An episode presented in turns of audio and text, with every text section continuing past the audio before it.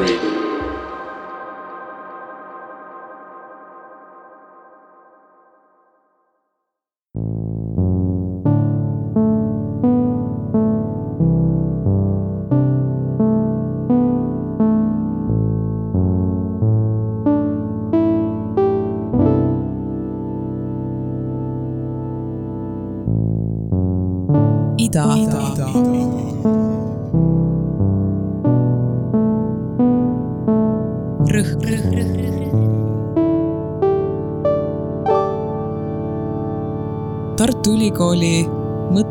Õppetooli lühiloeng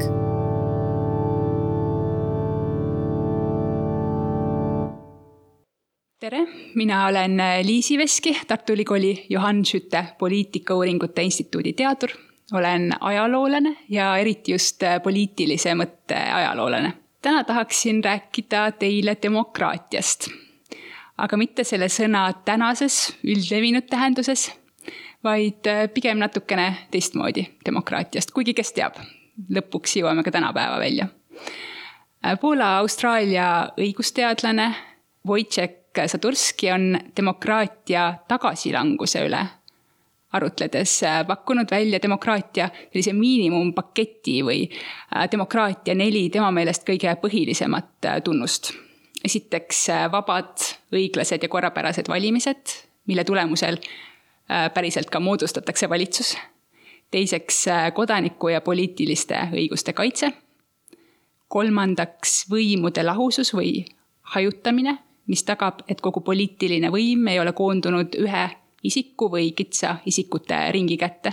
ja neljandaks õigusriik, mis eeldab, et valitsus järgib õigusnorme ja eelkõige põhiseaduslikke norme, mida ta ei saa meelevaldselt muuta iga kord, kui ta seda soovib või kui see on talle poliitiliselt kasulik. kui lisada siia juurde ka näiteks turumajandus ja eraomandi kaitse, võime vist öelda, et saame sellise üsna hästi ammendava liberaalse demokraatia määratluse, nii nagu seda täna üldjuhul mõistetakse.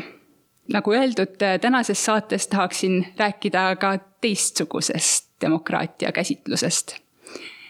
nimelt tuhande üheksasaja kolmekümnendatel peetud aruteludest selle üle, kas demokraatia peab alati olema liberaalne. kas demokraatia eeldab parteisid, võimude lahusust avaraid kodanikuvabadusi ja nende kaitset.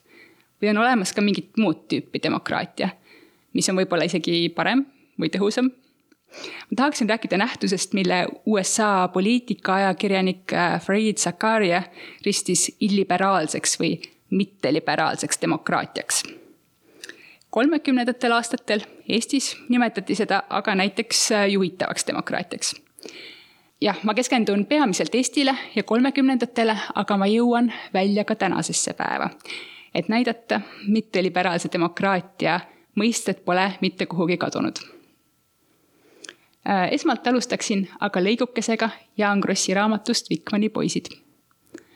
Tegevus äh, toimub selles konkreetses lõigus ühiskonnaõpetuse tunnis, mida annab äh, direktor Vikmani surma järel kooli etteotsa asunud ja kooli ideoloogiliselt õigele teele suunata püüdev direktor Puhm, kelle hüüdnimeks on kujunenud tubli on, väljendi järgi, mida ta tihti kasutab. niisiis on kolmekümne seitsmenda aasta sügis, Vikmani kooli ühiskonnaõpetuse tund ja seal loeb klassi priimus Jaak Sirkel parasjagu ette purukuiva ühiskonnaõpetuse õpikut, kui järsku katkestab vaikelu advokaadipoeg Rumma, kes küsib.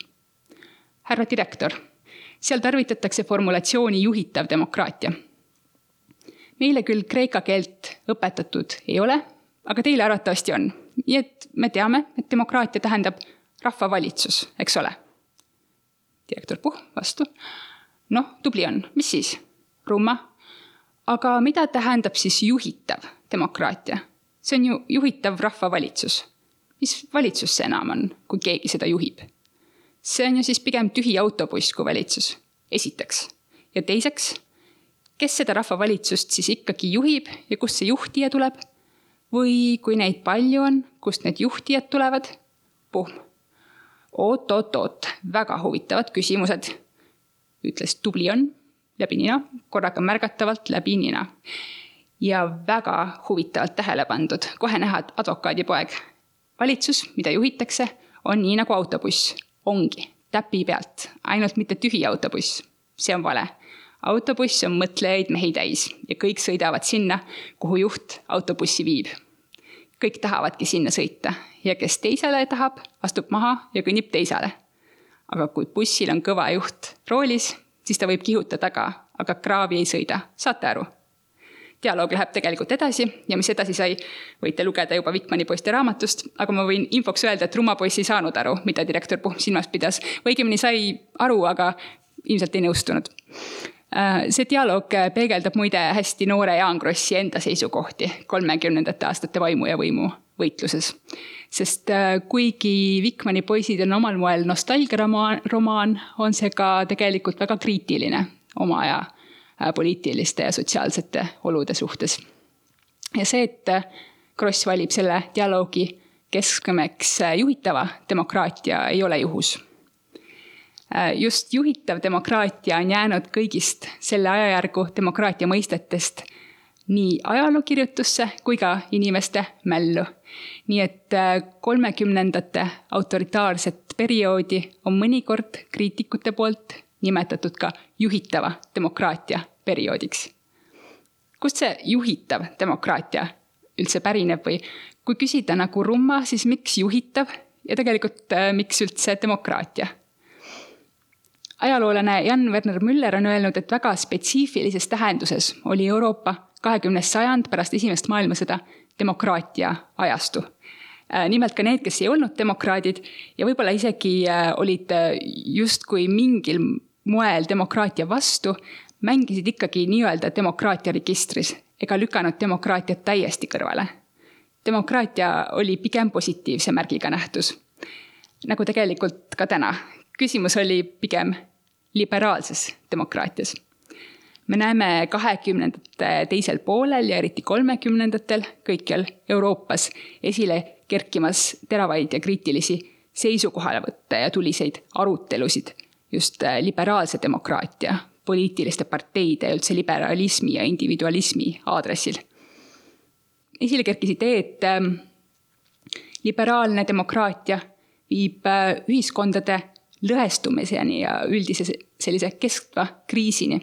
ja et selleks, et äh, luua tõeliselt efektiivne demokraatlik süsteem, tuleks demokraatiat kuidagi ümber korraldada näiteks üks äh, sõdadevahelise liberaaldemokraatia mõjukamaid kriitikuid, Saksa poliitikateoreetik Carl Schmitt uskus, et äh, liberalism ja demokraatia on äh, lausa vastandlikud nähtused ja et tugev riik peaks rahva tervikuks ühendama, et see muutuks justkui kollektiivisikuks, kellel on ühine tahe.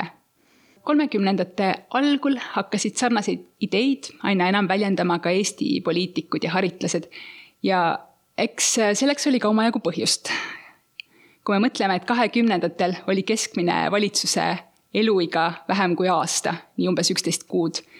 Äh, ajakirjanikud süüdistasid poliitikuid lehmakauplemises. Äh, kolmekümnendate alguses tuleb poliitiline, tähendab majanduslik kriis ja, ja siis tunnetatakse ka sellist üldist poliitilist kriisi. Äh, see on ka selline aeg, kui hakatakse kõnelema haigest poliitilisest süsteemist ja erakondadest kui selle haiguse põhjustajast lahendusena nähtigi siis kahekümnenda aasta liberaalses vaimus kirjutatud põhiseaduse muutmist, aga ka parlamendi piiramist, suure võimutäiusega presidendi institutsiooni loomist. seni oli olemas riigivanema institutsioon, kelles siis oli ühendatud president ja peaminister. Aga pakkumisi oli muidki, näiteks arst, eugeenik ja konservatiivne poliitik Juhan Vilms arvas, et tasakaalustavaks jõuks võiksid saada kutsekojad, mis hiljem osaliselt ka teostus, küll mitte Vilmsi juhtimisel. liberaalset demokraatiat hakati üha enam nimetama vanamoodsaks ja iganenuks, nii et tuli leida midagi tõhusamat ja kaasaegsemat selliste arutelude üks tulemus oli, et demokraatia mõistele hakati lisama juurde kõiksuguseid uusi ja põnevaid kirjeldavaid laiendeid. kui vana liberaalne demokraatia, mis oli ajale jalgu jäänud ja pigem üheksateistkümnenda sajandi nähtus ei sobi, äkki sobib siis midagi muud. Äh, liberaalse demokraatia asemel hakati eesti keeles kolmekümnendatel kõnelema näiteks autoritaarsest, korraldatud, distsiplineeritud või ka moraalsest demokraatiast. üks võimalus on ajaloolasena kohe need mõisted kõrvale heita, nagu mingi kummaline varjuteater. aga teine ja võib-olla viljakam variant on küsida, miks need mõisted järsku ilmuvad, kes ja millisel eesmärgil neid kasutab ja propageerib. Üks äh, säärastes äh, demokraatia aruteludes aktiivselt kaasa löönud jõud olid äh, vabadussõjalased ehk vapsid kes said oluliseks poliitiliseks jõuks just kolmekümnendate alguses ja tegelikult nende hiilgeaeg just sinna lühikesse perioodi jäigi. vapsid olid poliitilisel maastikul uustegija, kes esitles end mitte poliitilise liikumise ja kindlasti mitte erakonnana, isegi siis, kui nad olid selleks põhimõtteliselt juba saanud ja valimistel osalesid. Neil oli seega suhteliselt lihtne sirutada oma süüdistav sõrm vanade tegijate poole poliitilisel maastikul. Äh, nad süüdistasid parteitegelasi isekuses, kasuahnuses, korruptsioonis, onupojapoliitikas, pidevas kisklemises, rahvuse kui terviku huvide ja kõrgemate väärtuste unustamises. see ei olnud riik, mille eest Vabadussõja veteranid olid omal ajal verd valanud. vabadussõjalaste üks juhte Andres Larka pidas kolmekümne kolmanda aasta veebruaris Vanemuises kõne, mille lõpetas just säärase süüdistusega.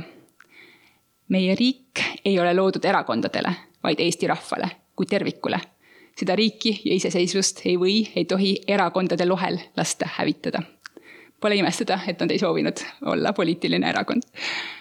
Neile jagus süüdistusi ka senisele poliitilisele korrale ja ideoloogilisele süsteemile. nii kõnelesid vapsid liberaalsest demokraatiast kui väärdemokraatiast ja pseudodemokraatiast, kirjeldasid seda raugana, kes hoiab endiselt küünte ja hammastega oma kohast kinni, aga ka kvaasi-anarhilise riikliku korrana ehk siis sellise poliitilise süsteemiga, mis oli põhimõtteliselt sama hea kui anarhia. peab rõhutama, et vabadussõjalased ei soovinud üldiselt kaotada demokraatiat, küll aga luua midagi, mida nad nimetasid tõeliseks demokraatiaks. seejuures rõhutasid nad rahva üldtahet, nagu kirjutas vapside ajalehes Võitlus kolmekümne kolmanda aasta suvel üks liikumise esindaja.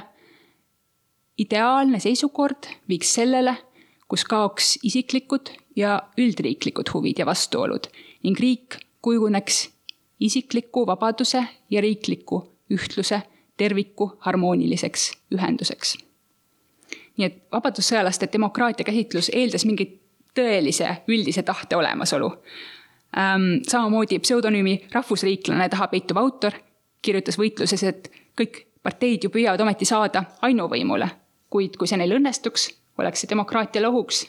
tõeline demokraatia eeldab rahvuse terviklust ja rahvuse üldtahet. Seda argumenti kordasid teisedki vabadussõjalaste liikmed. tõeline demokraatlik valitsus esindab ju rahva üldtahet. parteidel põhinev poliitiline süsteem toetab vastuolusid ja võimaldab esindada vaid osa teemosest, osa rahvast, mis viib lõpuks ebastabiilsuse, ebademokraatlikkuseni ja seega lõputute kriisideni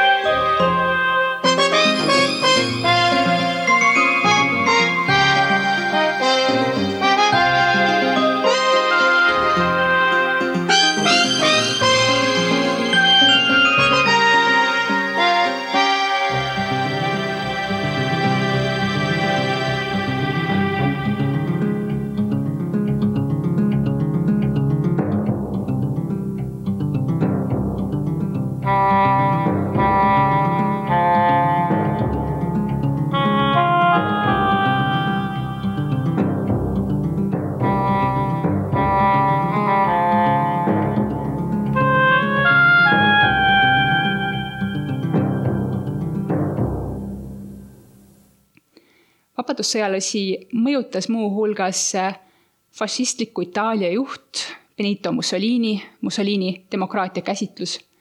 oma kolmekümne teise aasta teoses Fašismi doktriin Mussolini ühelt poolt justkui kritiseerib demokraatiat, öeldes demokraatia on režiim, mis on formaalselt ilma kuningata, kuid on tegelikult valitsetud paljude kuningate poolt, kes on palju absolutistlikumad, suuremad türannid ja hävitavamad kui ükski üksik kuningas, isegi kui ta on türann. ehk siis äh, me näeme ühelt poolt kindaheitmist demokraatiale kui sellisele, teisalt aga Mussolini möönab, et äh, fašismi võiks siiski mõista kui organiseeritud, tsentraliseeritud ja autoritaarset demokraatiat. ehk siis äh, võime mõista, et demokraatial on tema jaoks siiski olemas mingi vorm, mis on toimiv ja sobilik ja muide, see tsitaat või väljend organiseeritud, tsentraliseeritud ja autoritaarne demokraatia kõlas ajalehes Võitlus päris mitmel korral ja sai nii ka mõnevõrra laiemale avalikkusele tuttavaks. autoritaarse demokraatia mõiste ilmus iseseisvana eestikeelsetesse ja Eesti poliitilist olukorda käsitlevatesse aruteludesse kolmekümne kolmanda aasta lõpus. nimelt vabadussõjalaste toetaja, advokaat ja poliitik aga ka luuletaja ja koorilaulu Tuljak sõnade autor Ferdinand Carlson äh, hakkas kolmekümne kolmanda aasta lõpus just sellist demokraatia vormi ka Eesti jaoks propageerima äh,. kolmekümne kolmanda aasta detsembris kirjutas ta kaks äh, artiklit Tartu vabadussõjalaste sõbralikule ajalehele Vaba Sõna äh, sündmus, mille puhul ta oma artiklid äh, kirjutas, oli, et kolmekümne kolmandal aastal võeti rahvahääletusel vastu vabadussõjalaste välja pakutud põhiseaduse muudatus, mis muutis ulatuslikult esimest äh, tuhande üheksasaja kahekümnenda aasta põhiseadust, vähendades muuhulgas parlamendiliikmete arvu. Äh, muudetud põhiseadus pidi kehtima hakkama kolmekümne neljanda aasta alguses. selle muudatused olid nii ulatuslikud, et mõnikord on seda hakatud nimetama ka teiseks äh, põhiseaduseks. Karlsson kirjutas, et selle uue nii-öelda vabadussõjalaste põhiseaduse maksma hakkamisega lõpeb parlamendi diktatuur ja absoluutne parlamentarism. me näeme siin ilmselt peegeldusi Mussolinist, mille oli sisse seadnud esimene kahekümnenda aasta põhiseadus ja mis oli jätnud unarusse riigi ja rahva kui terviku huvid. Carlson nimetas uue põhiseadusega kehtima hakkavat süsteemi autoritaarseks demokraatiaks. milles need kaks süsteemi erinesid, siis liberaalne ja autoritaarne demokraatia? Erinevalt liberaaldemokraatiast, kus riik oli vahend ja indiviid lõppeesmärk, pidi autoritaarses demokraatias olema vastupidi, riik lõppsihtmärgiks. indiviid tuli allutada kogukonnale, riik pidi juhtima ja koordineerima kõigi ühiskonnaosade tööd ja piirama indiviide, et rahvas kui tervik saaks elada ja areneda vabadussõjalased ja nende toetajad ei olnud muidugi sugugi ainsad, kes selliseid ideid ja ka juba konkreetseid mõisteid äh, kolmekümnendate alguse Eestis levitasid, kuid nad kindlasti andsid oma suure panuse, et need mõisted laiemate hulkade teadvusse jõuaksid. aga need ideed elasid vabadussõjalased üle. nimelt, äh, nagu me teame, kolmekümne neljanda aasta kaheteistkümnendal märtsil toimus Eestis autoritaarne riigipööre mille viis läbi Konstantin Päts Juhan Laidoneri toetusel ja õigupoolest andsid omal moel oma toetuse neile sündmustele esialgu ka paljud teised poliitilised jõud. see riigipööre oli suunatud otseselt vabadussõjalaste liikumise vastu. Neid äh, süüdistati riigipöörde kavandamises. see on see moment, kus äh, Päts peab ka oma kuulsa haige rahva kõne, öeldes, et äh, rahvas vajab nüüd rahu poliitilisest elust siinkohal tasub rõhutada, et ajaloolastele puuduvad igasugused tõendid vapside riigipöördekatse ettevalmistamise kohta kolmekümne neljanda aasta märtsis ja pole ka kuigi loogiline, et rahva seas populaarsust koguvad vapsid oleksid pidanud peagi saabuvate valimiste eel midagi sellist ette valmistama. seejuures Päts ja Laidoner kinnitasid, et nad tegutsevad demokraatia ja Eesti rahva huvides. et nad on demokraatia kaitsjad hiljem tuli kasutusele ka võimuhooldaja kuvand või kujund. vaatamata lubadusele, et Eesti riik jääb demokraatlikuks, asuti kohe piirama poliitilist elu, ajakirjandust ja kodanike põhiõigusi. alates kolmekümne neljanda aasta lõpust selgitas Päts oma kõnedes, et ees on ootamas suured muutused. ühiskond korraldatakse ümber uutel alustel.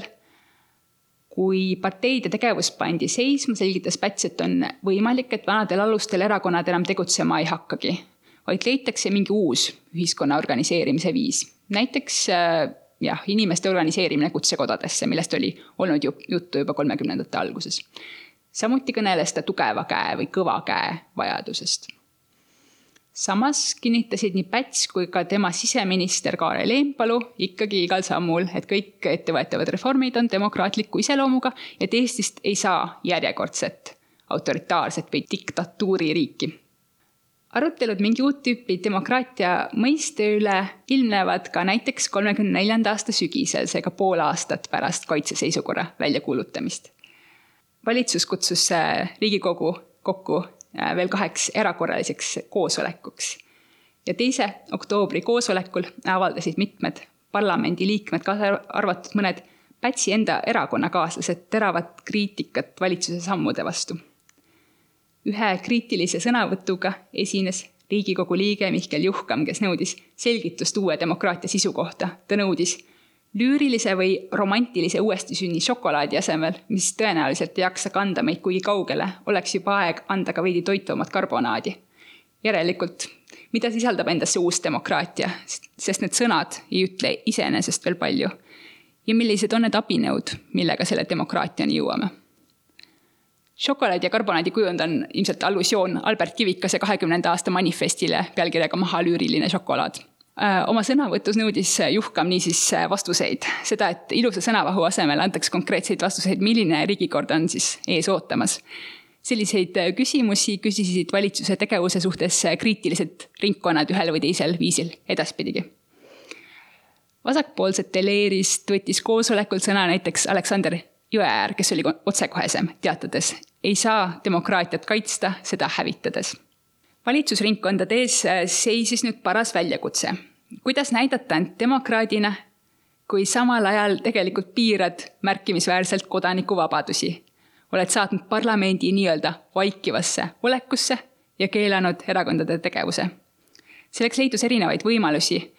üks neist oligi viidata loodavale riigikorrale kui mingile uut tüüpi demokraatiale.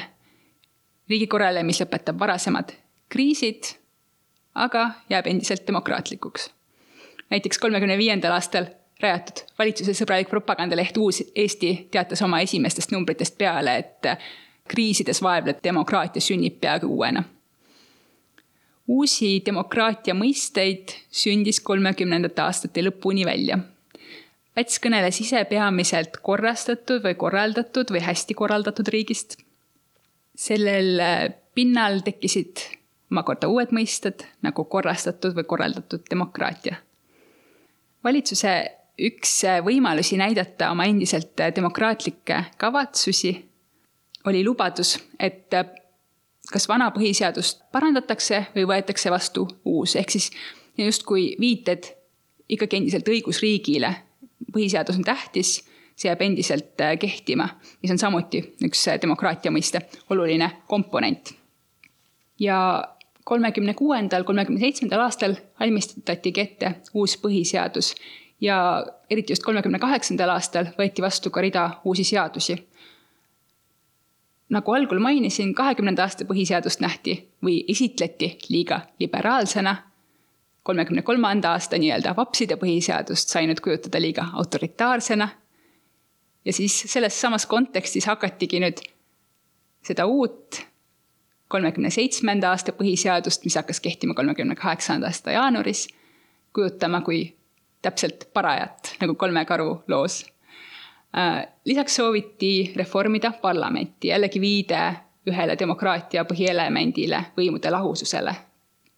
nimelt kolmekümne neljanda aasta teisest poolest peale lubati, et kui on vastu võetud uus põhiseadus, tuleb kindlasti kokku jälle ka parlament ja see tõepoolest äh, nii sündiski. uus parlament oli kahekojaline. Äh, selle üks koda, riigivolikogu, oli valitav ja teine koda, riiginõukogu, selle liikmed äh, määrati. kuna osa riiginõukogu liikmetest olid presidendi määrata, tekib muidugi suuri küsimusi seoses võimude lahususega. rääkimata sellest, et riigivolikogu valimised ei olnud päriselt vabad ja võrdsed, näiteks olid äh, opositsioonikandidaatidel märksa piiratumad võimalused kampaaniat teha. kolmekümne kaheksanda aasta veebruaris need valimised siiski toimusid ja kokku asuski uus parlament igatahes jah, me näeme mõne aasta jooksul hulgaliselt erinevaid poliitilisi ja õiguslikke reforme, mida on vaja rahvale selgitada ja taaskord rõhutada, et tegu on demokraatiaga, lihtsalt omal moel. seega kolmekümnendate aastate teisel poolel kerkib varasemate korrastatud ja korraldatud demokraatia mõistete kõrval veelgi esile rida teisigi uusi demokraatia mõisteid. näiteks kogub populaarsust distsiplineeritud demokraatia, seesama varasemalt vapsi toetanud Karlsson, kelle autoritaarsest demokraatiast oli enne juttu, oli kolmekümnendate keskpaigaks või teiseks pooleks kujunenud valitsusringkondade poolehoidjaks. On päris äh, oluline, et sel ajal ei räägida enam autoritaarsest demokraatiast. siin võib olla erinevaid põhjusi, aga neist kõige olulisem on vast see, et vaikival ajastul on vaja väga selgelt näidata, et Eesti on nüüd pärast kaheteistkümnenda märtsi pööret küll uuendatud riik, tugeva käega juhitud riik, aga kindlasti mitte autoritaarne. ja siis üks võimalus ongi rääkida näiteks distsiplineerimisest. juttu oli ka tasakaalustatud demokraatiast, samuti esinesid tekstides endiselt ka korraldatud riik, aga ka näiteks konservatiivne demokraatia.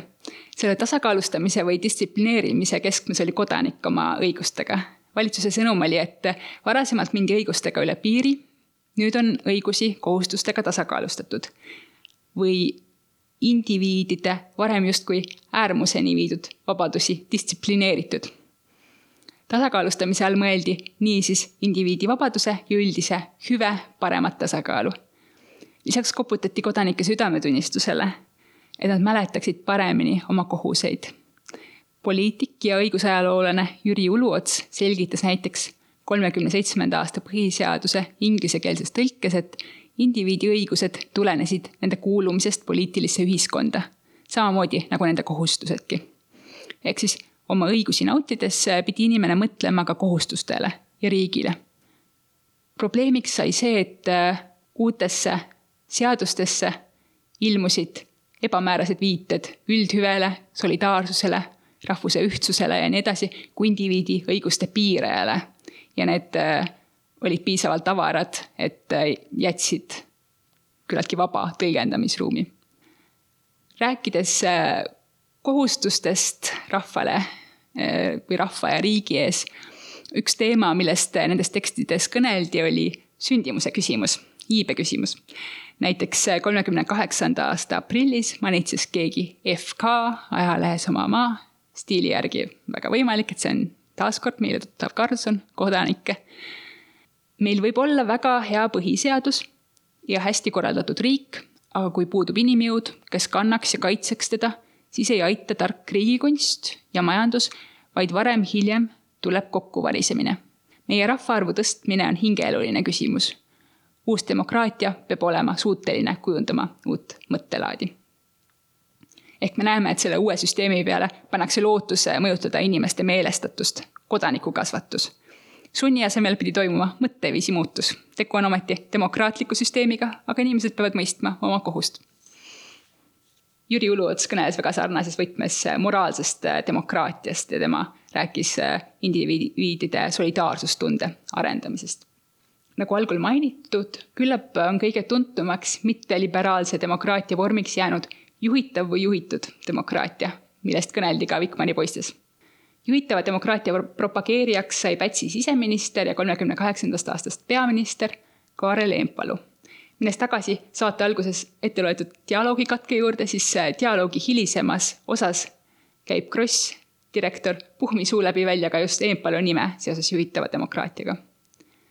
Empalu polnud selle mõiste looja ja polegi selge, kes seda kõige esimesena eesti keeles kasutas. Näiteks kõneles juhitavast demokraatiast mitmel puhul konservatiivses Eesti Rahvuslaste Klubi ajakirjas poliitik, kirjanik ja ajakirja peatoimetaja Karl Ernst Särgava Peterson. Särgava selgitas kolmekümne kaheksandal aastal näiteks, et demokraatia on alati olnud juhitav demokraatia, et alati on mõned isikud üldsusele suundi ja sihte kätte näidanud, mida mööda teised peavad liikuma ja kui sellel süsteemil ongi mingeid väliseid sarnasusi autoritaarsusega, siis autoritaarse korraga siiski tegemist ei ole. ja ta järeldas. ja just sisus peitubki erinevus demokraatliku ja autokraatliku valitsemiskorra vahel. Juhitava demokraatia mõiste populariseerimisel oli olulisim sündmus Eempalu poolt oktoobris tuhat üheksasada kolmkümmend kaheksa Isamaaliidu Keskkomitee koosolekul peetud programmiline kõne, kus juhitavast demokraatiast saab tõeline lipukiri. Isamaaliit ei olnud partei, vaid valitsuse tegevust toetav üle-eestiline poliitiline liikumine või organisatsioon, mis loodi kolmekümne viiendal aastal. Isamaaliit oli tihti see jõud, keda rakendati igasuguste suurte algatuste ja ettevõtmiste etteotsa, kuna Isamaaliidu kohalikud organisatsioonid asetsesid üle Eesti laiali. tihti esinesid riigijuhid Isamaaliidu kongressidel oluliste poliitiliste sõnumitega. see oli ka selline hea auditoorium, mille ees esineda, kuna seal sai kindlasti toetava aplausi osaliseks. seega on arusaadav, miks jah, Kaarel Eenpalu otsustas just seal oma programmilise kõne riigi tulevikust pidada ja mitte parlamendi ees ja see on kõne, kus veel kord just juhitaval demokraatial on oma keskne koht. Empalu selgitas seal ja ma tsiteerin. minu tunde järgi küll, iga isik on kõigepealt ilma kutsutud ja loodud selleks, et ta kogu oma eraelu kui ka avaliku tegevusega teeniks oma rahvast. selles on elu sügav mõte, selles peame elu ehitama rahva solidaarsuses ja ühtluses. Rahval on esijooneline koht, kuna isikul ta tegevuses on teisejooneline koht see tähendab, et isikut ta tegevuse laiuses tuleb rahva huvides ka pidurdada, piirata. see tähendab, et isikute vabadust tungides isegi otsinguist tuleb piirata selleks, et ühiselu kasvaks ja kosuks, et rahvas oleks kõva, kindel ja tugev, et tal oleks ühist vaimu ja ühiseid eesmärke. Ta lisas, tundub, et ka parlamentlik kord ei ole mõeldav ilma juhitava süsteemita ja et ka parlamentlikku korda tuleb elult seada nii, et esineks juhitav demokraatia mitte ainult riigi organismis, vaid rahvakogu kollegiaalses ettevõtmises. ta puudutas selles kõnes ka parteide küsimust, seades kahtluse alla, et parteidel põhinev poliitiline süsteem võiks ikka olla äh, parim rahvapoliitilise organiseerimise viis, jättes selle küsimuse ametlikult lahtiseks. Ähm, aga võib arvata, et kui ühes autoritaarses süsteemis peaminister ja president ei arva, et parteid peaksid uuesti kokku tulema, siis seda tõepoolest ka ei juhtu ja ei juhtunudki see kõne oli igatahes märgiline ja see võib olla ka põhjus, miks teised demokraatia mõisted on hiljem, hiljem unustatud.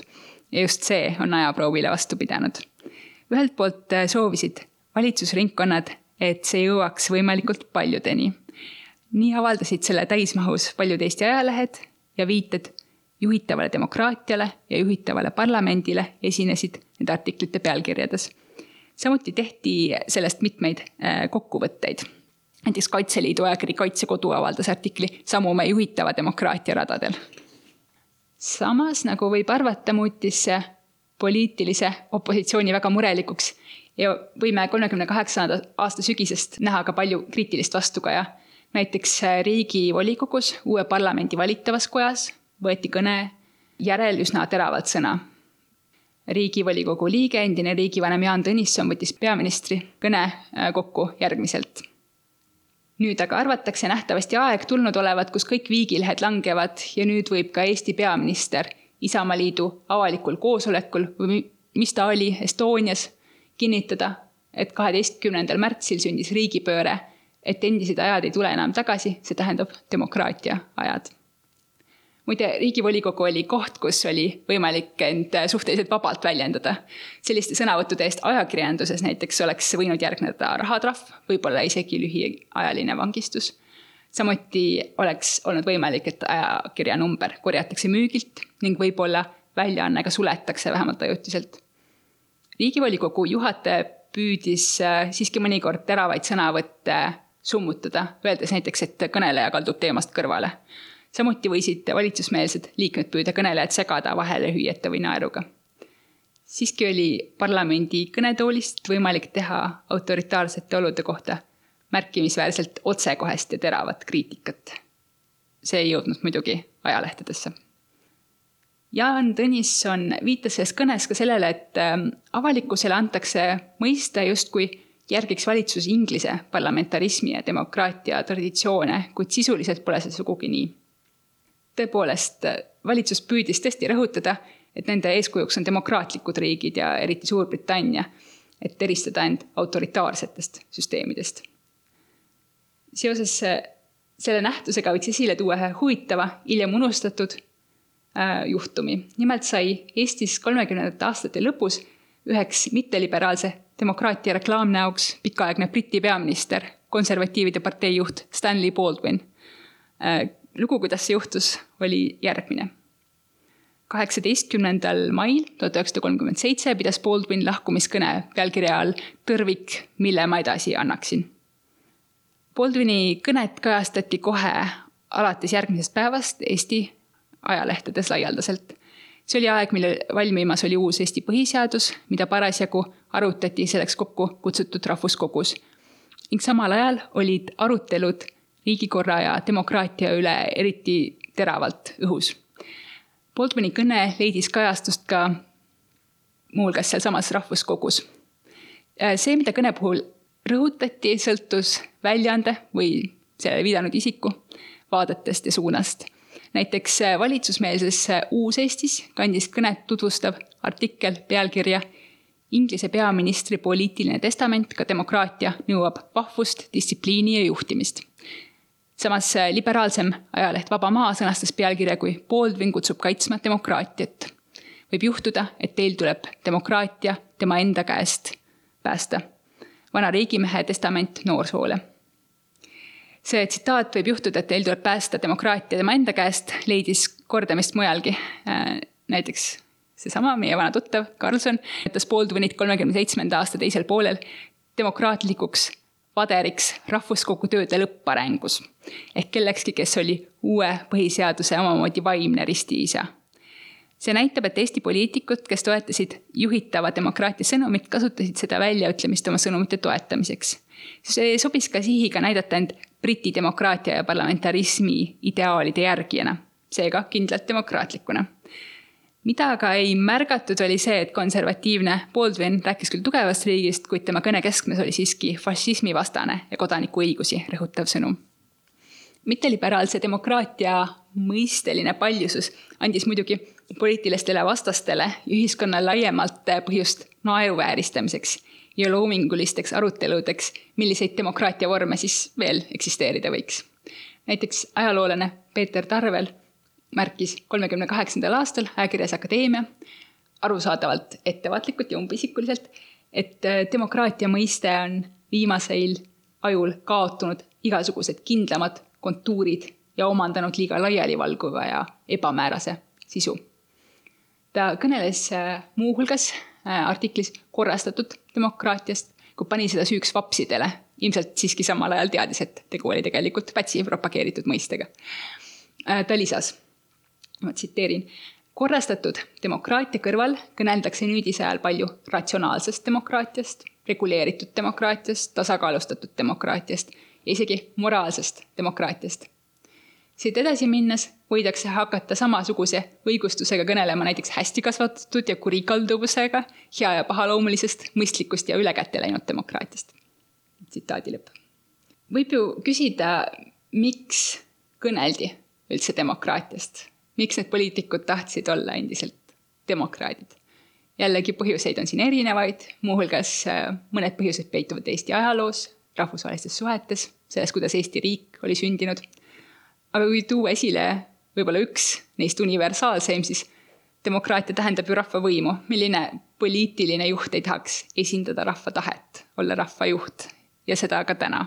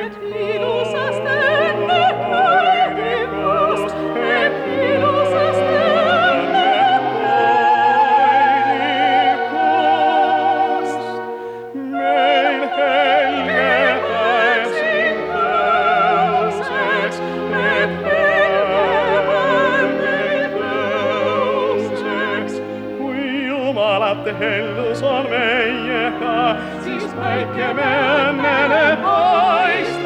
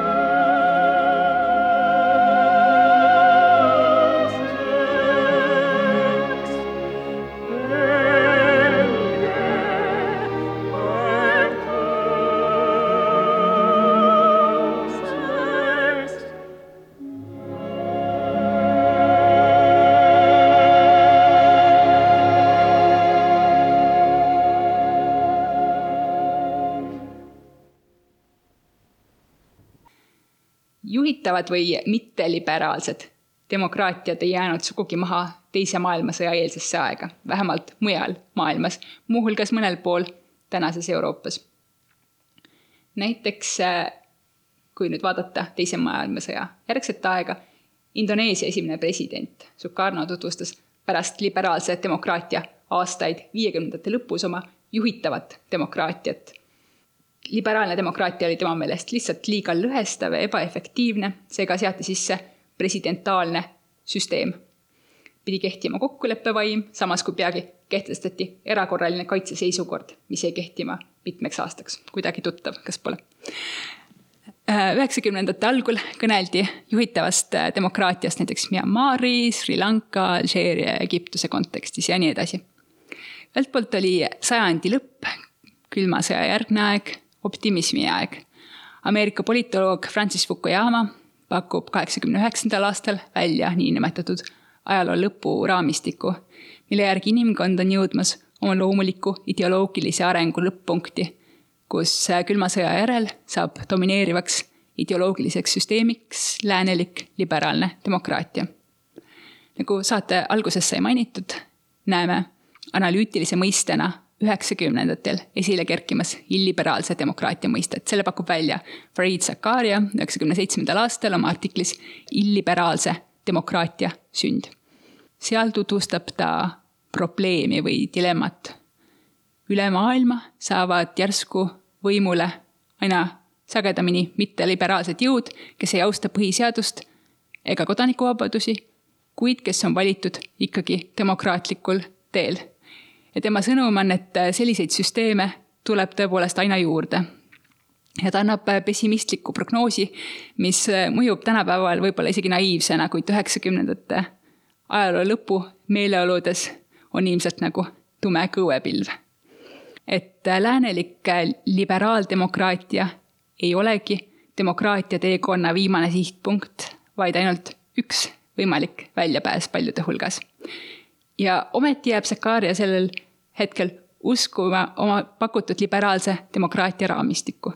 et süsteemid ja ta toob näiteks ka Lukašenka Valgevene, on endiselt demokraatlikud, lihtsalt omal moel. ta tundub võtvat demokraatia aluseks selle tõelise miinimumseletuse. demokraatlikud on riigid, kus toimuvad vabad valimised, mis on muidugi problemaatiline. sellest ajast on mitteliberaalse demokraatia mõisted jätkanud ka oma vägagi ideoloogilist igapäevaelu. üks tuntud näide on Ungari riigipea Viktor Orban, kes on alates kahe tuhande neljateistkümnendast aastast propageerinud illiberaalset demokraatiat. teine tuntud näide on konservatiivne demokraatia, mille Türgi õigluse ja arengupartei on valinud oma lipukirjaks. tuleb ka tähele panna, et konservatiivne demokraatia on selles mõttes eksitav, et jätab mulje, et tegu on tavapärase lääneliku õigusriigiga, kus on parasjagu lihtsalt võimul konservatiivne erakond. see aga ei anna ülevaadet tegelikust asjade seisust. kui me nüüd mõtleme, kuidas on lood sõnavabadusega praeguses Türgis. president Tayyip Erdogani eestvedamisel selle aasta oktoobri alguses äh, võeti vastu uus meediaseadus. ja see meediaseadus, mida kutsutakse ka tsensuuriseaduseks rahvasuus, lubab ajakirjanduses või meedias valeinformatsiooni levitamise ja selle kaudu avaliku korra häirimise või rikkumise eest kuni kolmeaastast vanglakaristust. nagu kriitikud on tähelepanu juhtinud, pole valeinformatsiooni mõiste sisu muidugi täpsemalt määratletud. siin avaldubki konservatiivse demokraatia tegelik pale, igaüks võib ise otsustada, kui ilus või inetu see on. juhitava demokraatia mõistet on kasutatud ka riigiteadustes teatud režiimide kirjeldamiseks. tuntuim on Putini Venemaa, mida nii Venemaa enda poliitilistes ringkondades kui ka lääne politoloogide hulgas kirjeldati kahe tuhandendate aastate esimesel kümnendil sageli kui juhitavat demokraatiat, managed democracy. miks kasutati just seda väljendit, eriti läänes? kas see oli soov mõtlemine või hirm nimetada asju õigete nimedega nagu näitavad meile ilmekalt viimase kümnendi arengud, on juhitava demokraatia sildivarjus välja arenenud puhtatõuline diktatuuririik. kui me soovime sellest kõigest midagi õppida, siis ehk järgmist. kui keegi kõneleb täna juhitavast või siis hoopis mingist tõelisest või uuest demokraatiast, soovitan olla ettevaatlik ja mõelda, miks nad seda teevad. mis on nende eesmärk, nende huvid, pakutud alternatiivse süsteemi sisu kas see toetab endiselt õigusriiki ja kaitseb kodanikuvabadusi, võimude lahusust või on see ikkagi varjuteater, püüd peita oma ebademokraatlikke taotlusi ja hiilivat autoritaarsust. ja kui nii, siis on kõige lihtsam ilmselt vastata. me oleme seda juba kusagil näinud. aitäh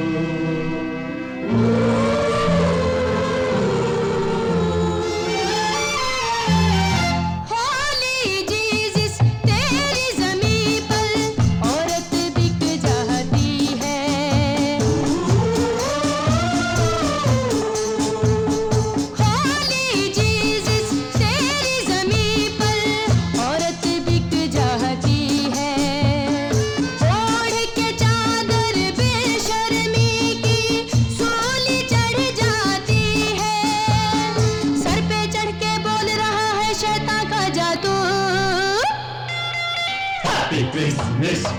Put